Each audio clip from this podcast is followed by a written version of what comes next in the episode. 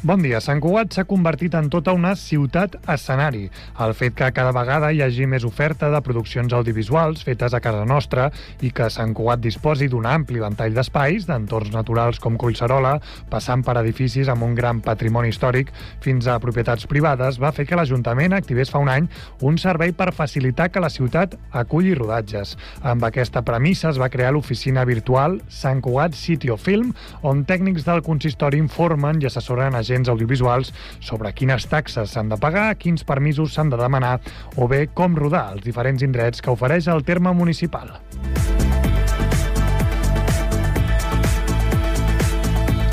Bernat Picornell, tinent d'alcaldia de Drets, Dinamització de la Ciutat, Comerç i Seguretat i portaveu del grup municipal d'Esquerra, admet a Cugat Mèdia que el seu partit no té interès a mirar enrere, tot i que no defuig de l'autocrítica per la situació econòmica actual de la ciutat que atribueix a factors externs, sobretot. Picornell, això sí, diu que l'augment de sous va ser una petició de Junts i recorda el pes que tenen dins del pacte de govern. També en política, Junts per Sant Cugat tria la setmana vinent la seva nova executiva.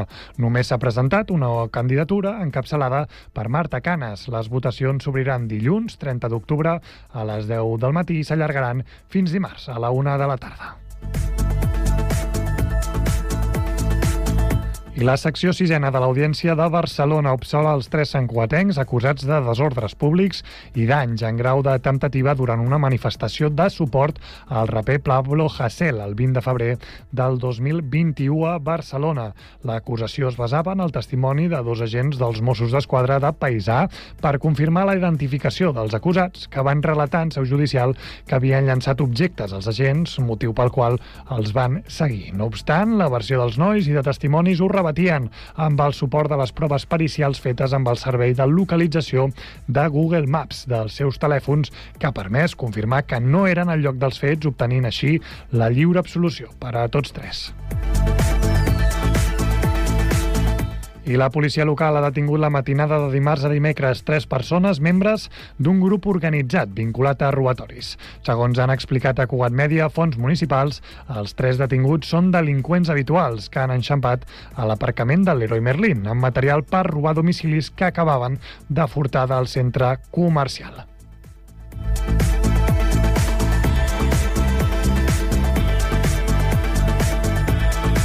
Cugat Mèdia, la informació de referència a Sant Cugat.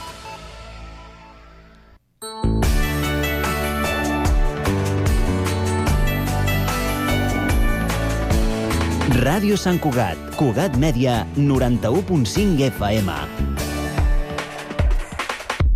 Hora Sant Cugat, a Cugat Mèdia.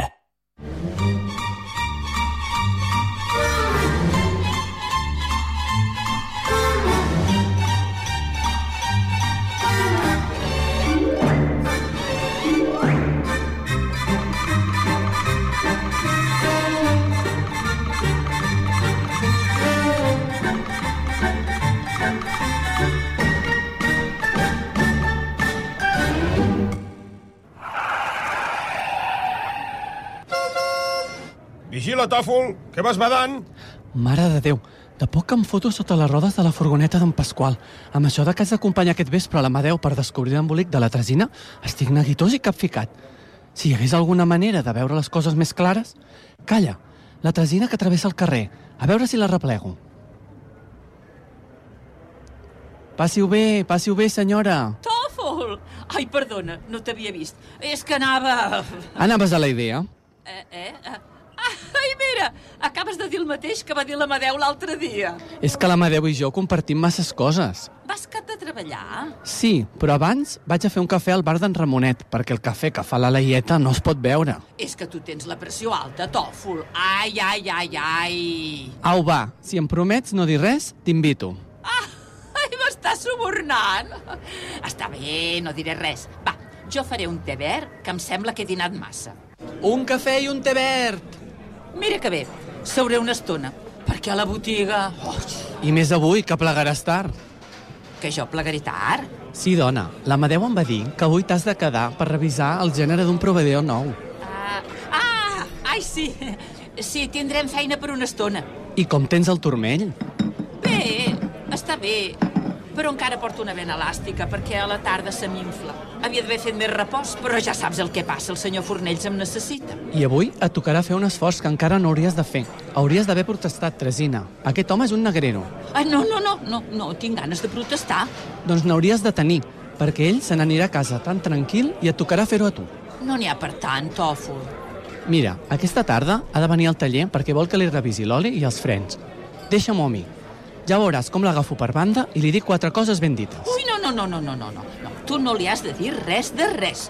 Eh, si de cas ja li diré jo, que no vull que es pensi que vaig dient coses d'ell a la seva esquena. Eh, Prometem que no li diràs ni una paraula. Està bé, dona, està bé, no pateixis, però tu t'has de queixar. Ho faré, ho faré. Ui! Me'n vaig, que encara arribaré tard. Adéu, tòfol. Adéu, Tresina.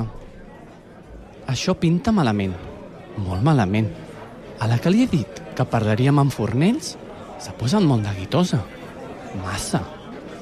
El que ella no sap és que en Fornells no ha de venir al taller avui.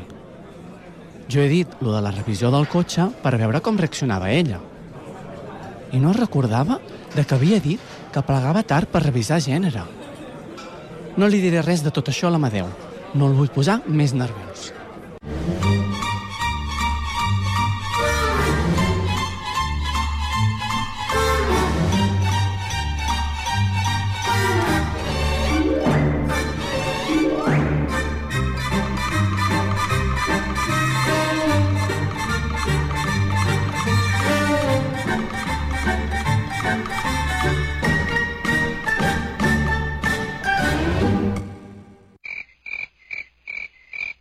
Què vols que fem?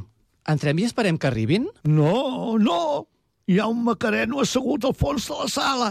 Esperarem que entri la Tresina, a veure si es troba amb ell. Llavors, entrarem i els enxamparem en delicte fregant. Amadeu, la Tresina acaba d'entrar. Sí, ja l'he vist. Guaita, allà al fons, tots dos assegudets, juntets, mirant no sé què. Un raconet amb poca llum, perquè és més romàntic. És que allà dins, a tot arreu hi ha poca llum. Però en aquell racó, menys. Què deu ser el que miren? Un prospecte d'una agència de viatges. Això ha de ser. Estan preparant la fuga. El paio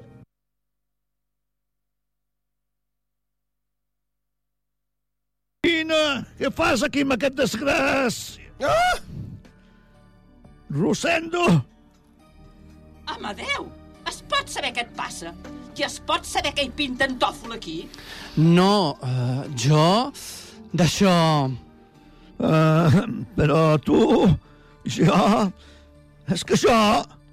Així era en Rosendo? Doncs sí, era en Rosendo. Oix, quina brutalitat! De què parles? I digue'm, què punyeta vens a fer aquí? Qui t'ha dit a tu que jo seria aquí? Aquest tros d'animal que t'acompanya?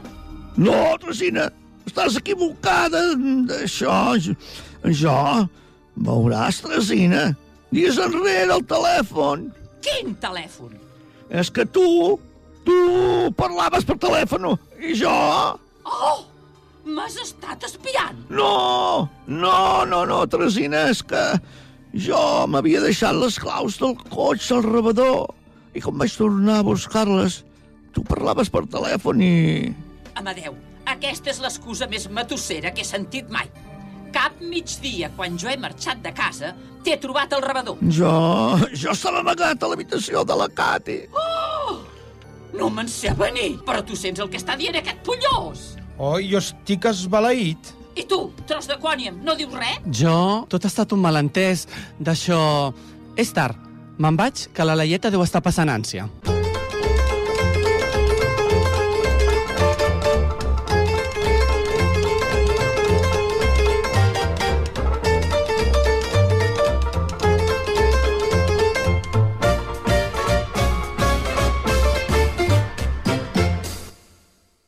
Hora Sant Cugat, a Ràdio Sant Cugat.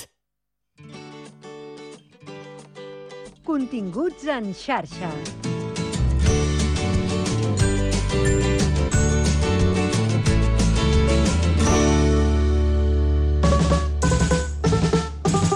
Propostes en xarxa. Tinc una bona notícia. És època de calamars. I això vol dir que alguns municipis on hi ha tradició de mar tornen les cites gastronòmiques amb el calamar com a protagonista.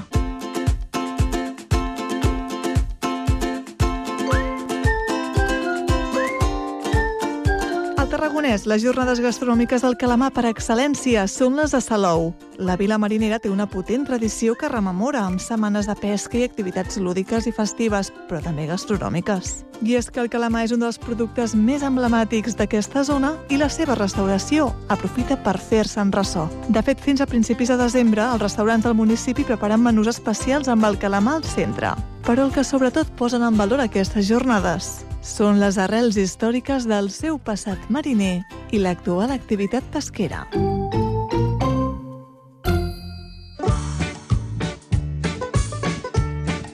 Fins a principis de desembre, jornades del calamar de Salou. Podeu consultar tot el que ha preparat aquesta vila marinera per a l'ocasió a www.salou.cat.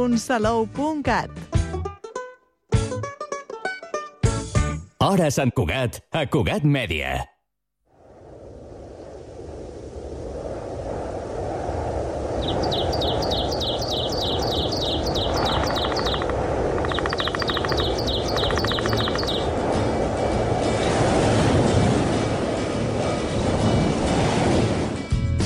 Guaita que tenim. Obrim la finestra per observar i comprendre el nostre entorn natural. Amb Sergi Corral. I avui a la nostra secció de Medi Ambient ens posarem molt felins, sí? perquè ja sabeu que en Sergi Corral sempre ens dona un gran titular i avui és Creo que vi un lindo gatito. Sergi Corral, benvingut. Molt bon dia. M'agraden molt els teus uh, titulars i avui amb aquesta expressió que l'hem sentit i molt. Us en recordeu, eh, d'aquesta expressió? Sí, de, que, de qui és, de qui és, a veure. De l'àvia de la propietària del piolín. Ah, exacte. No? a veure, deixa'm associar conceptes, eh? Perquè també... Jo pensava ara també en en, Shen, en, Sheldon, en Sheldon Cooper, ara Sí, que no me també. de, que sempre li canta el, el lindo gatito per Sí. quan està malaltó i necessita dormir, no? Ah, exacte. Però bé, no parlarem pas de cinema, no? No, ni de piolins al Port de Barcelona, tampoc. Tampoc, tampoc. tampoc eh? eh? Parlarem d'un dels grups d'animals, això sí, que més fascina el món mundial. Molt bé. Diríem, eh? eh però començarem trencant esquemes. A veure, Sempre com comencem fem, amb això? alguna Com cosa... No... Oi que quan parlem de lleons, panteres, tigres, linx... Tu Mhm. ho has dit, no?, que diem els felins? Sí. Doncs no, Ah, m'he equivocat? incorrecte. Home, Realment, Realment? a realment... començar el programa. No, és No, realment se'n diuen fèlids. Fèlits? Fèlids. I per què li diem felins, doncs?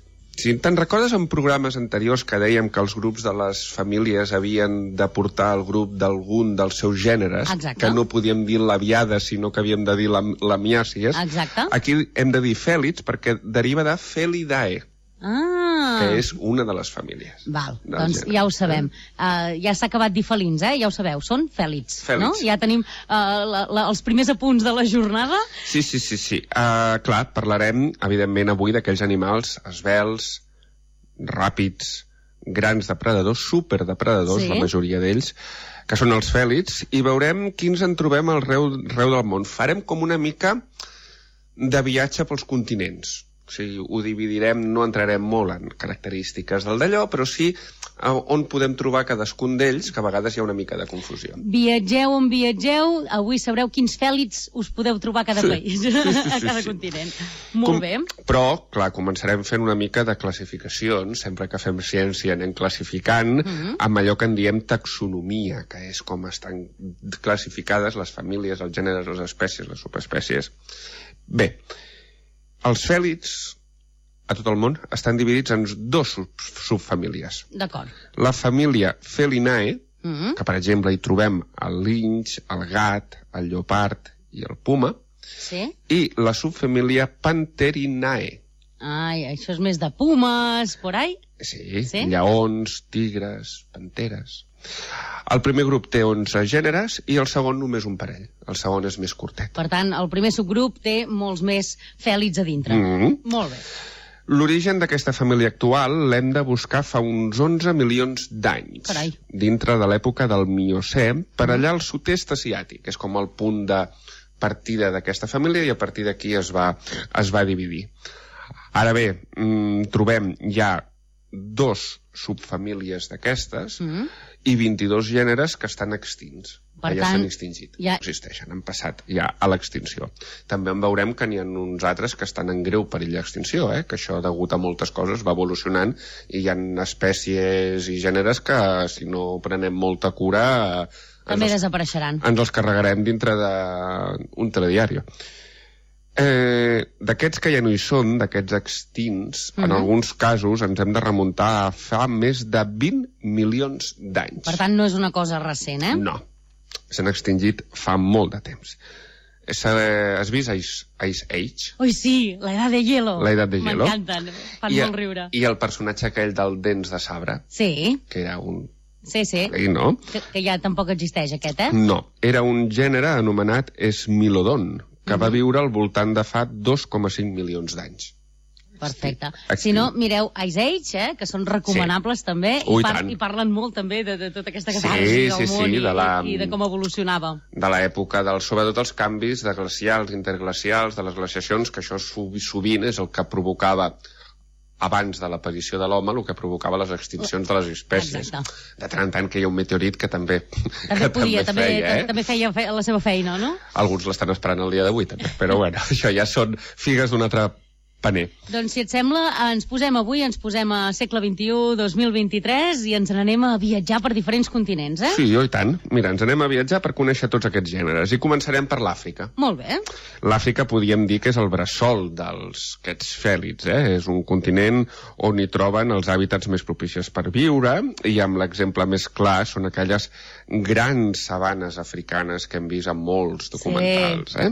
Això ho tenim clar, eh? La imatge aquesta mental del Serengeti la tenim tots, i de Botswana i tota aquella zona, la tenim tots molt clares. Doncs què hi trobem a l'Àfrica? A veure. Comencem pel guepard. Uh -huh. El guepard es diu en nom científic a Sinoix jubatus, és de la subfamília Felinae, posseeix, aquest és curiós perquè té una dada interessant, eh? posseeix el rècord d'animal terrestre més ràpid del món. El guepard és l'animal terrestre més ràpid del món. Sí, velocitat punta de 115 km per hora. Uau, carai. I per fer això, Encara podria anar per la P7. Sí, podria anar per la del límit P7. de velocitat. sí, sí, sí, i, i pel carril del mig, eh? si volgués, Sí. uh, el seu cor és el més gran en proporció de, de tots els fèlids, precisament per poder assolir aquestes velocitats, puntes, aquests sprints, aquestes carreres, que les assoleix, evidentment, a l'hora de caçar aquells antílops que cacen per allà a la sabana. Clar, a nivell cardiovascular necessita aquesta magnitud de cor per poder anar a aquesta velocitat. Ah, evidentment, és un gran depredador, superdepredador, caça antílops i viu sobretot a l'Àfrica equatorial i Sud-àfrica, al sud, aquella franja, eh? El guepard, el primer, doncs. El gepard. El segon, aquest no és tan conegut, que és el caracal, o linx africà, caracal, caracal, eh, de mida més petita que el gepard, i també ocupa més o menys els mateixos hàbitats d'aquests de, la, de la sabana. Uh -huh. Per tant, el trobem cap a, al sud. Sí. El, ara ens anem cap a més petits, anem baixant de mida, perquè Mhm. tenim el gat de peus negres. Un gatet normal? Un gatet normal, però que és salvatge. Felis nigripes, nigripes de peus negres. Eh, clar, és un gat salvatge que viu a Sud-àfrica i és el felí més petit de tot Àfrica. O sigui, pobret, que pesa un, dos quilos, Sí, com a molt 3. com a molt tres. Com a molt 3. No arriba als 3, a superar els 3 quilos. És, aquí sí que és un lindo gatito Sí. de, eh, que competeix amb grans Aquesta és la imatge de la secció d'avui, amb el titular, sí. eh? eh? Després tenim el gat cerval, que es diu lep, Leptailurus cerval, és un gat salvatge africà que trobem so- sobretot al centre i sud del continent, també, d'una mida una miqueta més, més gran. Mm. I si ara saltem a la segona subfamília, la família Panterinae, aquí ens trobem amb el rei de la selva, El lleó. el lleó. El lleó. Cada nom té Pantera Leo. Mm -hmm. Tampoc. No, no és difícil Mm, d'entendre. No és difícil. El Pantera Leo, el lleó, eh, és el segon felí més gran del món després del tigre, que ja veurem més endavant, eh? D'hàbitat exclusivament africà, s'ha de dir que antigament també s'havia estès per Àsia, Euràsia, havia tingut més extensió, però es va reduint entre els canvis climàtics i la mà de l'home, doncs en va reduint la seva extensió. D'hàbitat sabanoide, de les grans Sí. sabanes, grans plano, planúries africanes. I està en perill d'extinció, allò? Sí, actualment es troba en vulnerabilitat. No arriba a l'extinció, però Val. sí que es troba en la vulnerabilitat. Molt afectat, sobretot, per la caça i per la destrucció dels hàbitats. I és el darrer o encara en tenim algun més? En tenim tenim el Pantera pardus, que és un dels felins més adaptables. Pot viure tant en entorns sabanoides com selvàtics, perquè recordem que la, a l'Àfrica equatorial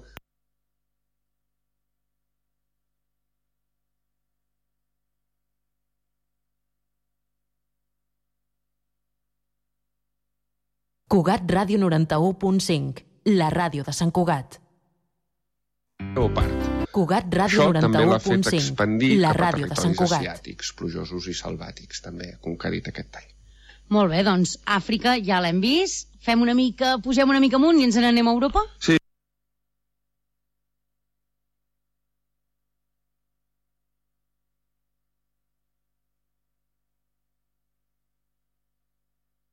Cugat Ràdio 91.5, la ràdio de Sant Cugat.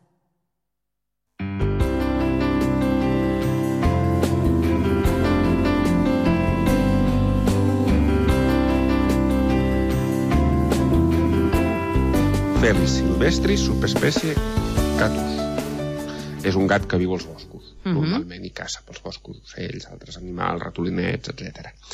I tenim una altra espècie, que aquesta sí que està en perill d'extinció, Quina és? és endèmica de la península ibèrica i sud de Portugal, que és el linx ibèric.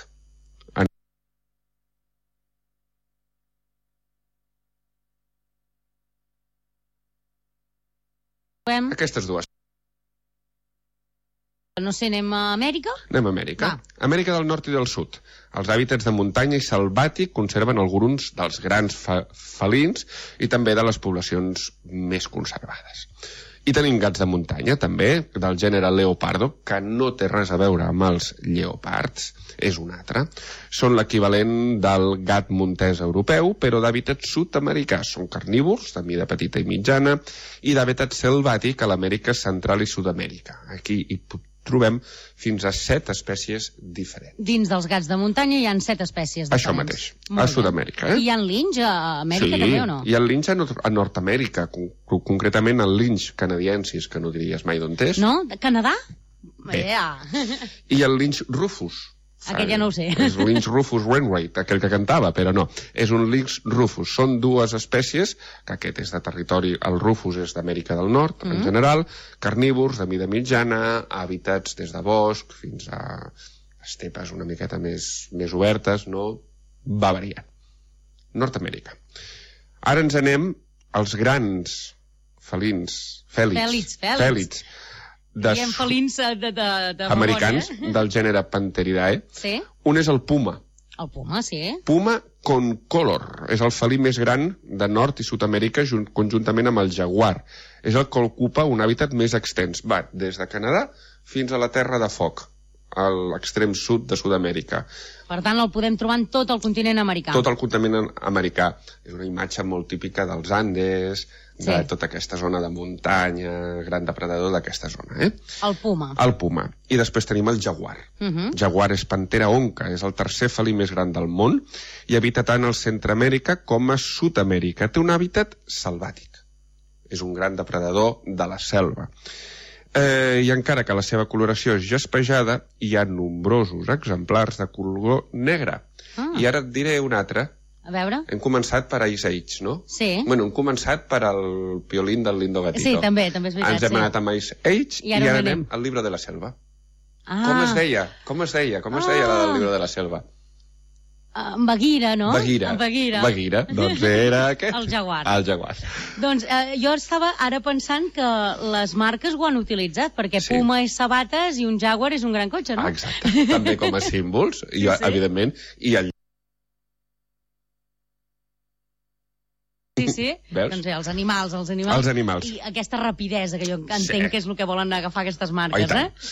Molt bé, doncs ens toca anar a Àsia, no? Anem ja? a Àsia. A Àsia hi trobem una gran diversitat, però curiosament té hàbitats molt fragmentats, majoritàriament d'hàbitat selvàtic Mm. i algun hàbitat també sabanoide, Però, clar, la selva és un hàbitat molt, molt fràgil que, degut a la deforestació, ha fet que molt d'aquests fèlids de l'Àsia es trobin en perill crític o en extinció. La, pej la petjada de l'home que dèiem abans, sí. eh? Començant pel primer, el gat salvatge de Borneo, Catopuma badia, és un dels exemples de gat salvatge asiàtic greument amenaçat que només viu a Borneo. O sigui, ja se li ha reduït totalment la totalment seva a zona. l'hàbitat. Un altre que no està tan amenaçat, que és el gat xinès i gat del pantà, són dues espècies del gènere Felis, d'aquells gats que també en deriva el gat domèstic, són petits gats salvatges asiàtics. Uh -huh.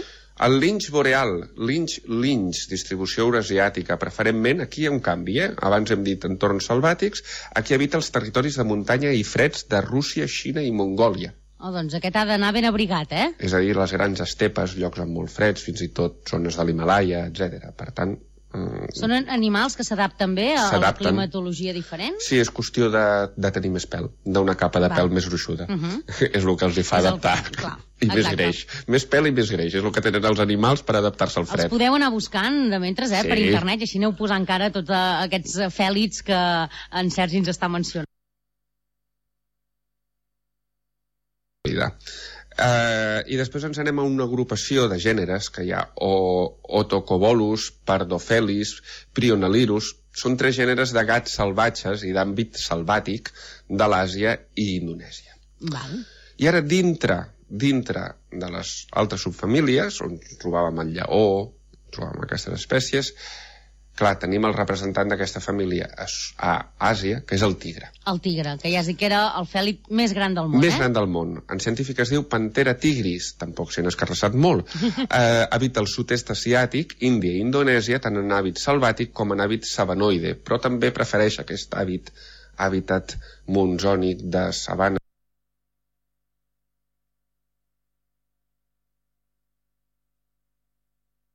i el cacen ell, perquè és una espècie molt amenaçada que està en perill d'extinció, també. Mm? Doncs eh, hem de cuidar el nostre entorn, eh? Per Mhm. molt que, clar, si ens trobem un tigre de cara, la veritat és que, clar, al final... Al final, bueno, però tigre de cara jo, jo correria, no, no li fotria un tiro, per no, exemple. ja pots anar corrent, em sap greu, però el tigre t'atraparà, eh? Ja, ja, ja, ja, ja. ja. Bueno, bueno, eh, pues em queda incorporar-te a la xarxa tròfica. És l'altre que et queda. Ens anem cap a una altra, eh, dues espècies de, denomenades panteres nebuloses. Mm? Neofelis nebulosa i Neofelis diardi, que són d'hàbit salvàtic de Xina i Borneo. També es troben els dos en una situació molt vulnerable. Perill, eh? També. Eh, Veig que aquesta zona d'Àsia és la, la més complicada, Sí, eh? Ja perquè deies, és on la selva està més amenaçada, on està més en perill, on hi ha més tala, on hi ha més afectació. Tenim continents, ja, ja sabem, eh, com està Xina, la Índia en Sí, sí, desenvolupament, i això també afecta en el, en el medi. Eh? Eh, I tenim, per últim, el lleopard de les neus, Mm? que és Pantera uncia, que aquest és, aquest és molt interessant, eh? Viu a les muntanyes de l'Àsia central i de l'Himalaya. Uau! És el fèlid que viu a més alçada del món, inclús superant el puma, que aquell que vivia als Andes, eh?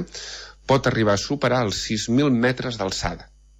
Uau, per tant, Viure clar, més de 6.000 metres. el lleopard de les neus, el seu nom ho diu molt De clar. La neus. pantera rosa en quina categoria estaria? Ja que hem parlat de dibuixos animats avui. La pantera rosa, oh, li has de preguntar... Bueno, la pantera seria la pantera, la, La pantera, la nostra pantera, la, eh? la, la, allò, eh, li has de preguntar a l'inspector Clusó, Sí, no?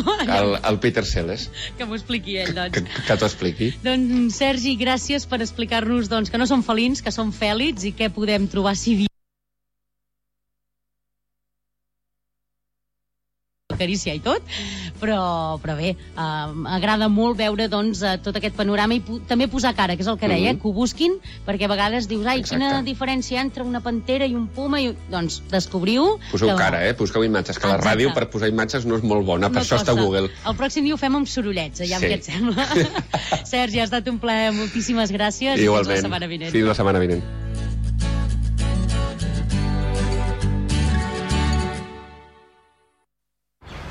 Estàs pensant en posar plaques solars a casa teva? Doncs passa't a l'energia solar de manera fàcil i segura amb la teulada, experts en energia solar i el nou espai d'assessorament per a la ciutadania i les empreses. Informa't a la teulada arroba amb.cat o contacta'ns per WhatsApp al 645 725 465. La teulada és un servei de l'AMB finançat amb el Fons Europeu de Desenvolupament Regional. AMB, Metròpolis de Barcelona. Bona tarda, són les 7. Més d'un centenar de tractors han mobilitzat bona part de la capital del Baix Ebre.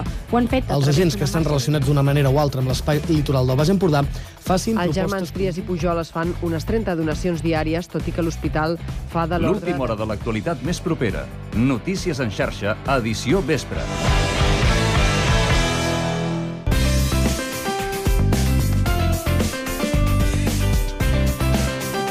Ràdio Sant Cugat, Cugat Mèdia, 91.5 FM. Som Terra, amb Pili Garcia. Hola, sóc la Gemma Arnelles, copropietària de Plaovi. Plaovi és una explotació ramadera d'oví, de car, amb extensiu. És a dir, pasturem els 365 dies de l'any per les nostres terres i per tot el terme del Gerri. També pasturem la zona Zepa, zona Ell, i també eh, fem, neteja de sotabosc i prevenció d'incendis. Nosaltres, com que som una petita explotació familiar, on tenim 400, actualment 440 caps d'oví, de car, llavors també fem la venda directa, és a dir, tenim tot el cercle, des de que neixen fins que van a l'escorxador, i llavors també fem la venda directa de la nostra car, una car de pastura, on la... tenim una petita botiga aquí al Gerri, una petita carnisseria, i també ho podeu comprar a la nostra cara a través de la pàgina web plauvi.cat. La carn de corder, com ja sabeu, és rica en B12, B2 i té molts minerals, com el ferro, el fòsfor i el zinc. A més, la carn de pastura de Plauvi és una carn que, com que ha anat a pasturar, no té gaire greix.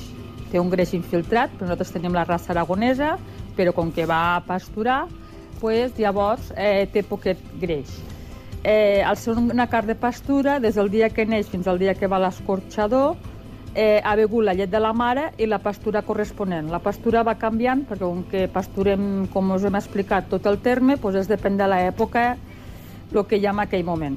Pues res, ara coneixeu una miqueta més Plauvi, us anem a, a provar la carn de corda de pastura, que aquí al territori hi ha grans pastors i pastores, i res, animar-nos perquè la cosa està molt malament amb aquesta sequera que no sé si ho podrem aguantar gaire com no plogui aviat. Vinga, una abraçada.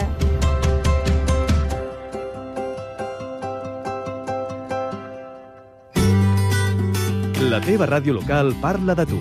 Som Terra, la ràdio quilòmetre zero.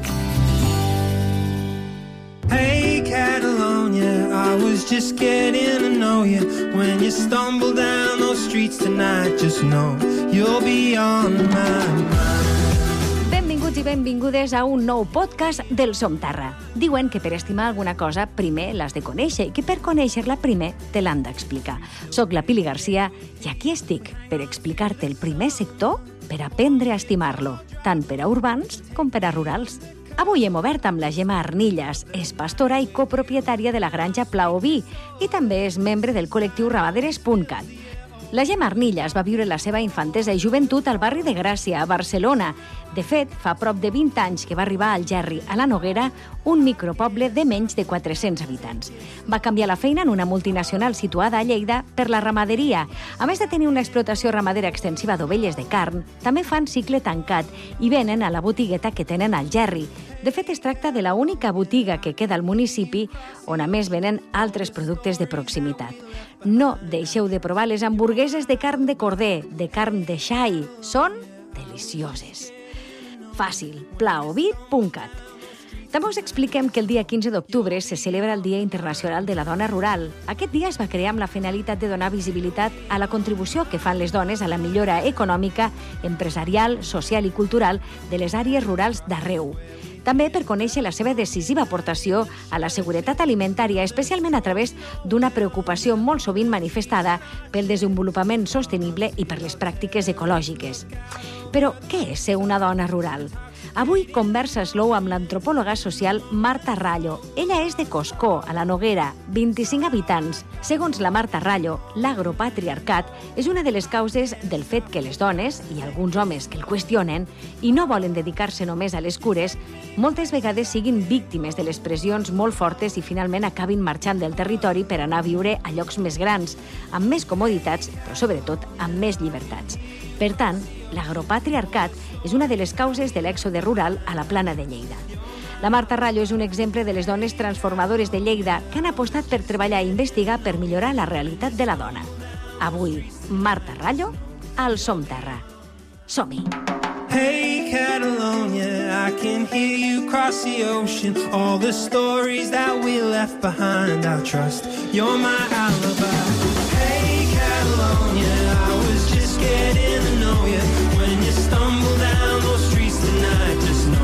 you'll be on my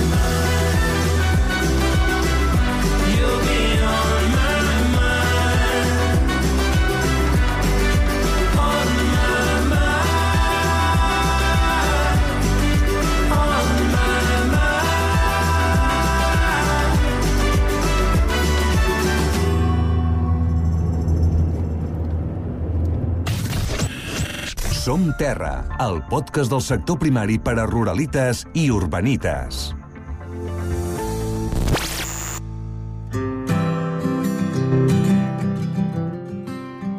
Marta Rallo Arnau, antropòloga sociocultural, molt benvinguda. Quines ganes teníem de parlar amb tu Bé. així d'una manera lenta, eh? tranquil·la. Com estàs? Estic bé, estic Estàs bé? Va, volem que ens expliquis moltes coses sobre tu, però sobretot també eh, el que estàs aconseguint a través de la teva investigació, no? Eh, com dèiem, ets antropòloga sociocultural, ets un poble molt petit de la Noguera, oi que sí? Sí, soc de Coscó, un poble de 25 habitants. De 25 habitants. Tu te'n vas anar a estudiar a Barcelona i vas tornar una altra vegada al poble, oi? Sí, eh, estic mig al poble i mig on trobi feina, però tinc molt arrel al poble. També voldrem que ens expliquis els teus projectes actuals, però una de les coses que, eh, que has investigat no? és com influeix el, prat, el patriarcat en el despoblament rural i també eh, has aconseguit definir l'agropatriarcat. Anem a pams, va. Per on vols que comencem? Doncs pel desenvolupament rural. Per què marxem? Pel patriarcat? Això és un tema molt complex, que hi ha molts factors. I, i hi ha molts que és, bueno, és tema habitatge, tema oportunitats laborals, tema serveis. Jo aquí, per, per, quan vaig fer la investigació, no, no vaig entrar. Jo volia analitzar més doncs, quina relació hi havia entre el gènere i la ruralitat, perquè al jo viure al poble i anar després a viure a una ciutat, veia que ser dona era diferent en un poble que en una ciutat. I, i volia veure no, aquesta diferència i, i, i aquest canvi i com influïa tot això al final en, en les teves oportunitats laborals, socials i vivencials. I són molt diferents?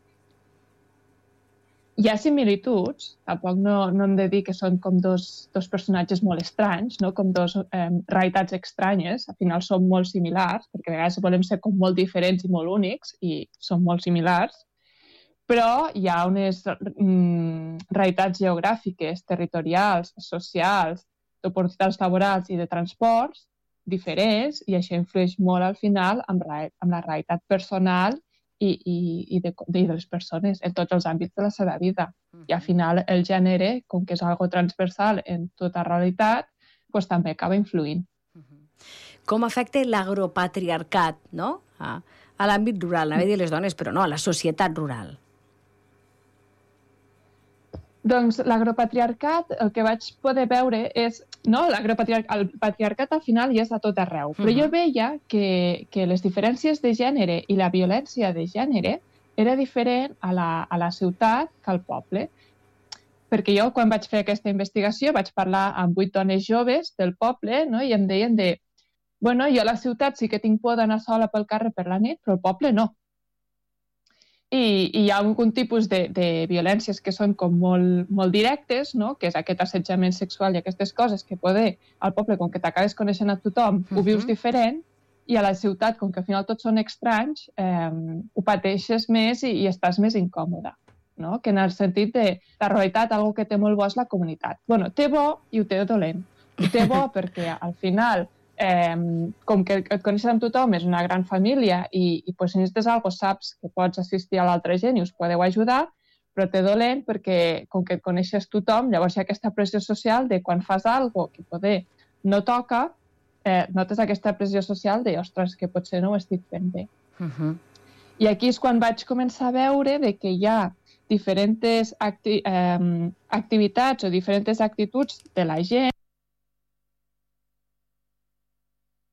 castiga simbòlicament, no castigar de, de contra la paret, però que, que com a que la gent no acaba d'acceptar en situacions rurals. I aquí és quan vaig començar a veure de que aquest, cas, aquest rebuig o aquest eh, control social el podia anomenar com agropatriarcat. Uh -huh.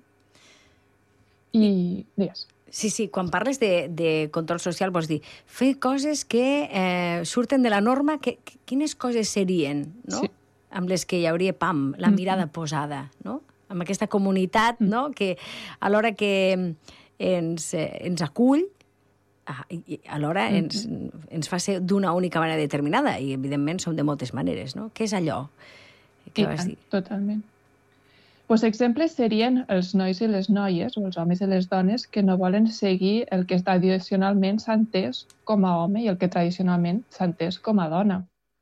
No? Sobretot en relació pues, que les dones hi hagi, pues, decideixin que elles no són les responsables de les cures. O sigui, elles no tenen per què haver de cuidar dels seus familiars, que les cures són superimportants, però el que vull reivindicar és que no és només un paper de les dones, sinó que hi ha d'haver-hi aquesta corresponsabilitat, és a dir, els homes i les dones. I què passa bastant en les zones rurals? Sobretot, per exemple, a la, a la realitat de la gent gran. La gent gran té una necessitat de cures molt important i tenen una dependència física i, en alguns casos, mentals. I, I la realitat és un espai molt envellit i els serveis públics no poden arribar a tot arreu. Llavors, és la comunitat la que acaba cuidant d'aquests familiars i d'aquesta gent gran.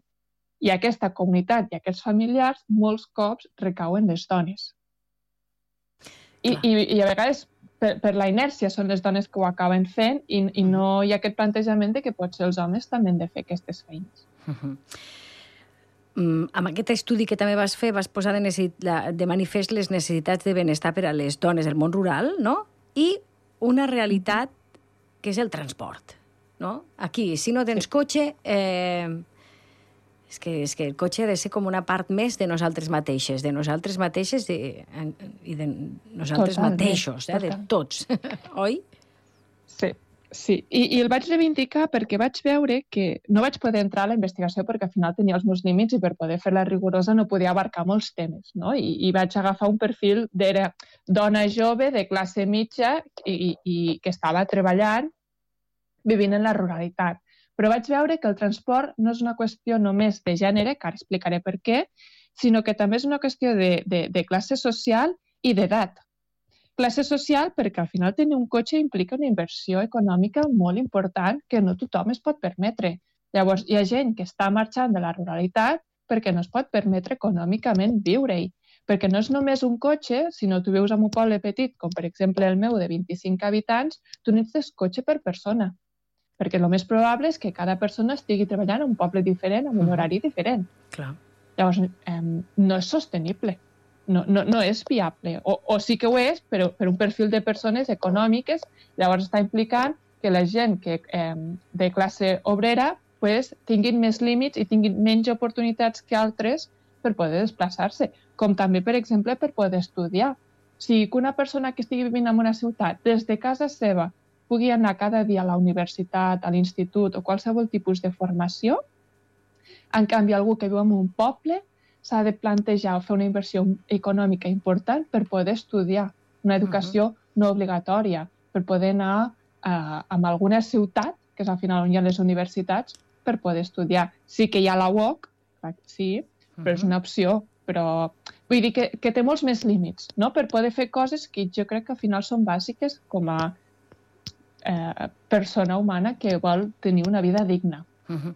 Parles de la UOC. Internet sí que pràcticament està arribant a tot arreu, o més o menys, no? Les cobertures serien una altra cosa. Això també és un límit o ja no és un límit? Internet arreu, també per al món rural. Hi ha límits. Ara, ara hi ha una inversió important de que l'internet arribi a les zones rurals i s'agraeix molt, però no funciona igual i no tens les mateixes oportunitats que a la urbanitat. Però realment aquí no, no, no trobo tant la, com la reivindicació perquè realment Mhm. que amb això s'ha treballat molt. Però al mateix temps eh, indigna una mica... No indigna. Eh, és curiós que s'estigui invertint amb això i amb altres coses que potser són més bàsiques encara no s'hagi plantejat que pot és necessari que també arribi a la, a la ruralitat. Com ara què? Transport? Doncs com ara Un temes transport de- més eficient? d'educació, salut... Eh, o sigui, També. pensa que hi ha gent que per poder comprar menjar s'ha de Sí. desplaçar de poble. I tant. Clar. Si és una despla... I, o, o, o si ha d'anar al metge, sobretot la gent gran, que pues, és una època de la vida en què s'ha d'anar sovint al metge, necessites el transport privat per poder anar al metge i llavors implica que la teva família s'ha de preocupar perquè tu puguis arribar al metge o hi ha, hi ha gent gran que paga un taxi amb el que implica per poder anar al metge. Jo que també sóc una dona de poble, no? Ara entrarem en Mm. si rurals o no. El dia 15 celebra el Dia Mundial de la Dona Rural i també m'agradaria que parlar amb tu Mhm. respecte a això, no? La connotació de rural, però sí que em considero dona de poble, perquè ho soc, i, i mm, molt sovint faig aquesta reflexió que ja va fer la Maria Mercè Marçal de ser tres cops rebel, no? Però al final ella Mm. va viure a Barcelona i va ser des de Barcelona que va poder exercir la seva llibertat eh, en tots els àmbits, també en l'àmbit de la creació literària, no? Eh, I clar, les dones que ens hem quedat al poble ens toca ser una mica quatre cops rebel, perquè ser de poble implica també aquesta rebel·lia. Estàs d'acord amb això? Sí, totalment, perquè al final ser de poble és una realitat diferent i, i has de lluitar al final per les per moltes polítiques públiques o, o molts plantejaments del feminisme s'han plantejat des de la urbanitat i no des de la realitat rural. I, i s'ha de reivindicar per això. Però també plantejar que, les, per exemple, les dones que siguin de poble i d'altres països tenen un altre tipus de discriminació. O sigui, ja no són quatre cops rebels, sinó que han de ser Ostres, cinc. no? tota Perquè no només és de poble, sinó ets, ets en un poble i en, en un país en què no és el teu i, i al final, vulguem o no, vivim en una societat una mica racista. Se m'està posant la carn de gallina. topen cada dia. Tens tota la raó, ens toca ser rebels per molt, molts motius, molt diversos. Um, també dius que en el teu estudi vas parlar sobre la ruralitat versus la urbanitat, no? Què implica ser dona Mhm. rural? Què implica? Clar, això és una pregunta que jo també li feia a les noies, no? Com defineixes tu ser una dona rural i després si tu creus que ets rural? I era molt curiós les respostes perquè a vegades es romantitza molt la ruralitat com aquella oposició a la urbanitat, Mhm. no? I sobretot l'urbanitat com allò que és modern i la, i la rural com allò que és tradicional.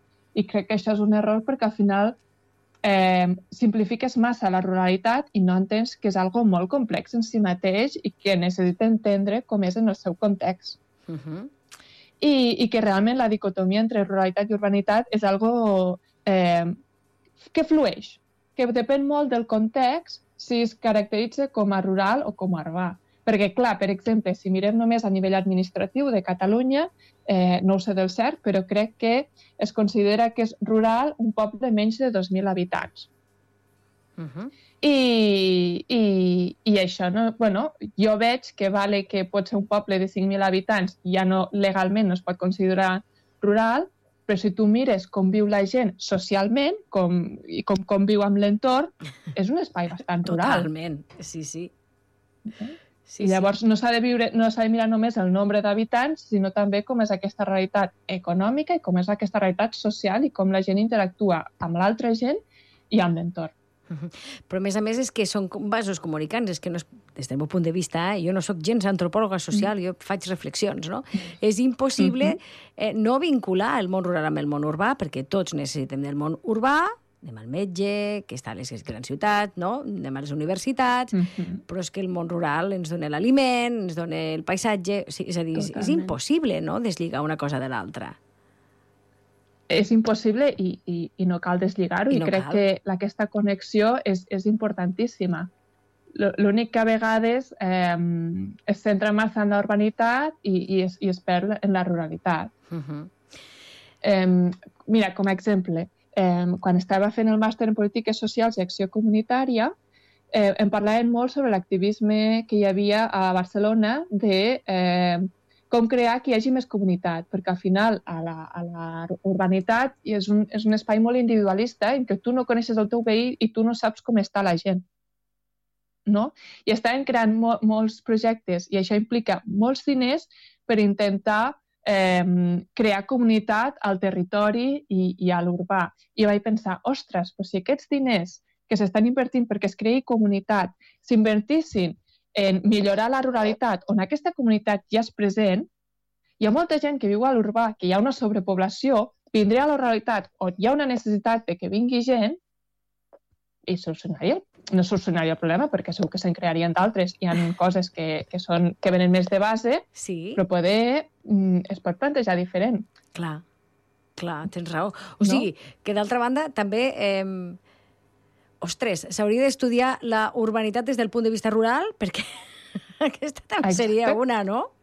Tenir sempre una altra Sí, manera sí, de veure-ho, canviant el punt de mira. Escolta, com vas decidir ser antropòloga sociocultural? Quan vas decidir, ostres, jo vull fer això?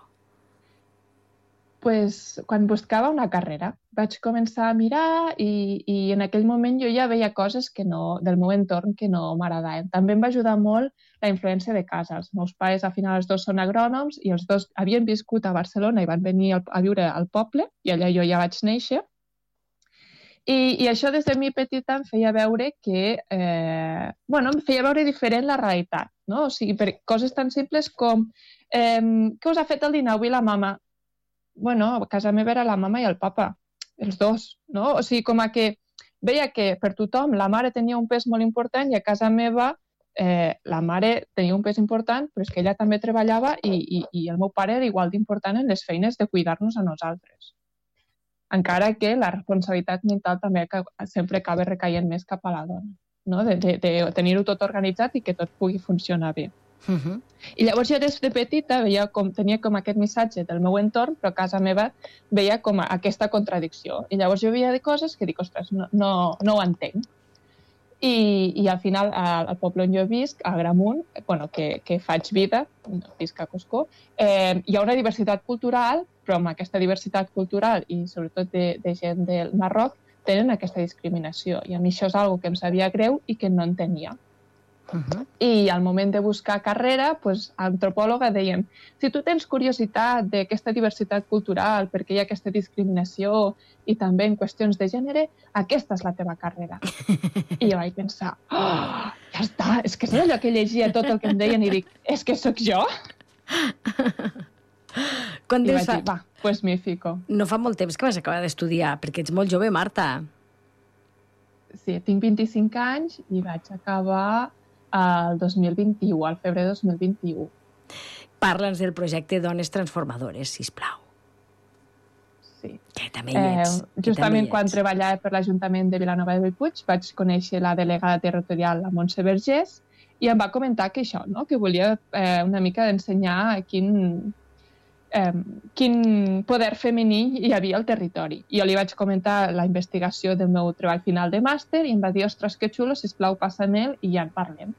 I jo li vaig passar i llavors em va comentar doncs, això que volien fer un projecte sobre dones transformadores a Lleida per poder demostrar quin talent femení hi ha i que per la investigació que jo havia fet m'agafaven com una d'elles. Que jo això és una cosa que encara ara al·lucino, no? Perquè és una etiqueta molt xula, però al mateix temps és molta responsabilitat. I, I com que jo ho havia fet des d'aquesta perspectiva feminista i de gènere, em van demanar que també els ajudés en la redacció del projecte des d'aquesta perspectiva feminista i tenint aquesta eh, visió des de la ruralitat, que és diferent a, a altres àmbits. Uh -huh. Per tant, eh, des de, estàs participant des de molts àmbits, no? En la redacció, en la creació, en la... Eh, en el text, no? en posar-hi paraules, però també ets una de les 12 sí. dones no? transformadores eh, de les Terres de Lleida. Què és per tu ser una dona transformadora? és una paraula molt, molt, molt important i, i ha molta responsabilitat, però eh, crec que una dona transformadora s'ha d'entendre com aquella que en un àmbit econòmic o no, en un àmbit empresarial o no, sí que ara les 12 dones inicials eh, ha sigut més en un àmbit eh, del treball, un àmbit empresarial, però hi ha moltes dones transformadores que estan transformant altres àmbits, siguin des de casa seva, des, des, de, la, des de la comunitat i des d'aquests espais que han sigut més invisibilitzats des de fa anys, però que ara s'ha de reivindicar i crec que és una, un dels reptes que té el projecte que ojalà puguem veure. I una dona transformadora és aquella que veu a, a alguna cosa al seu entorn que poder no està bé o que hauria de millorar i decideix ella fer aquest canvi. I tu amb què estàs transformant? Què creus que és el que estàs aconseguint? Amb què ets una dona transformadora de les Terres de Lleida? Jo crec que de més enllà, Marta. Ah, merci. Jo, bueno, he fet la investigació aquesta, no?, sobre quina és la realitat sociocultural de les dones joves, perquè eh, vaig començar a fer la investigació justament perquè eh, quan estava estudiant la carrera jo era, eh, eh, era feminista, estava en una assemblea feminista a, a Terrassa, que era la ciutat que vivia en aquell moment, i al mateix temps era a Gramunt. I vaig veure que en qüestió d'edats i els perfils de les dones que estaven a l'assemblea feminista era diferent. I, i, i a Terrassa sí que hi havia més dones joves i en canvi a Gramunt no. I jo i em plantejo tipus, vale, però jo sé que al territori hi ha dones joves feministes, on són, no? I com és que no, no, no, volen, no volen participar o no poden? Aquí no se sap, però aquí és on vaig voler investigar. I jo crec que bueno, al final sóc una dona transformada perquè he fet aquesta investigació i a partir d'aquí es pot plantejar quines necessitats té el territori i cap a on ha d'anar el canvi. Doncs, escolta, um, et desitgem molts encerts perquè, perquè Marta, seran els de moltes dones i també de molts homes, per tant, molts encerts per tota la societat. Eh, gràcies per ser-hi, per explicar-nos-ho. Eh, et podem veure també a, a través de la web Dones Transformadores, oi? Per si volem saber més sí, coses de tu. Allà. Perquè tu encara no tens perfil de pàgina web, o què? O sí? No encara? No, tinc LinkedIn. És lo així professional és lo que, el que tinc. Doncs també et podem seguir a través de LinkedIn, per si algú que ens està escoltant necessita una antropòloga sociocultural, doncs sí, eh, que et busqui. Marta Rallo Arnau. Una abraçada molt gran i moltes gràcies per ser avui i poder tenir aquesta conversa una miqueta lenta per parlar doncs, de tu i de teus projectes i els de tots. Abraçada i fins aviat. Moltes gràcies a vosaltres. Una abraçada. La teva ràdio local parla de tu. Som Terra, la ràdio quilòmetre zero. No és el mateix ser els integrants del millor grup de la història que ser el millor grup de la història. Per això, el grup català Occident serem Occident, perquè per continuar assegurant-ho tot, tot i tot, ens havíem d'ajuntar tots, tots i tots. Entra a seremoccident.cat. Molta comèdia, el programa de les arts escèniques de Sant Cugat i de Sant Cugat. Aquell que us parla Eduard Gené explicarà amb l'ajuda dels artistes protagonistes tot allò que representa i es cou a Sant Cugat de teatre, de dansa, de música, de màgia o de circ. Cada dijous a les 12 del migdia i reemissió a les 8 del vespre i, com sempre, pots escoltar el programa quan vulguis amb el podcast a través de Cugat.cat. Molta comèdia amb tu cada dijous per saber què pots fer al cap de setmana si t'agraden les arts escèniques.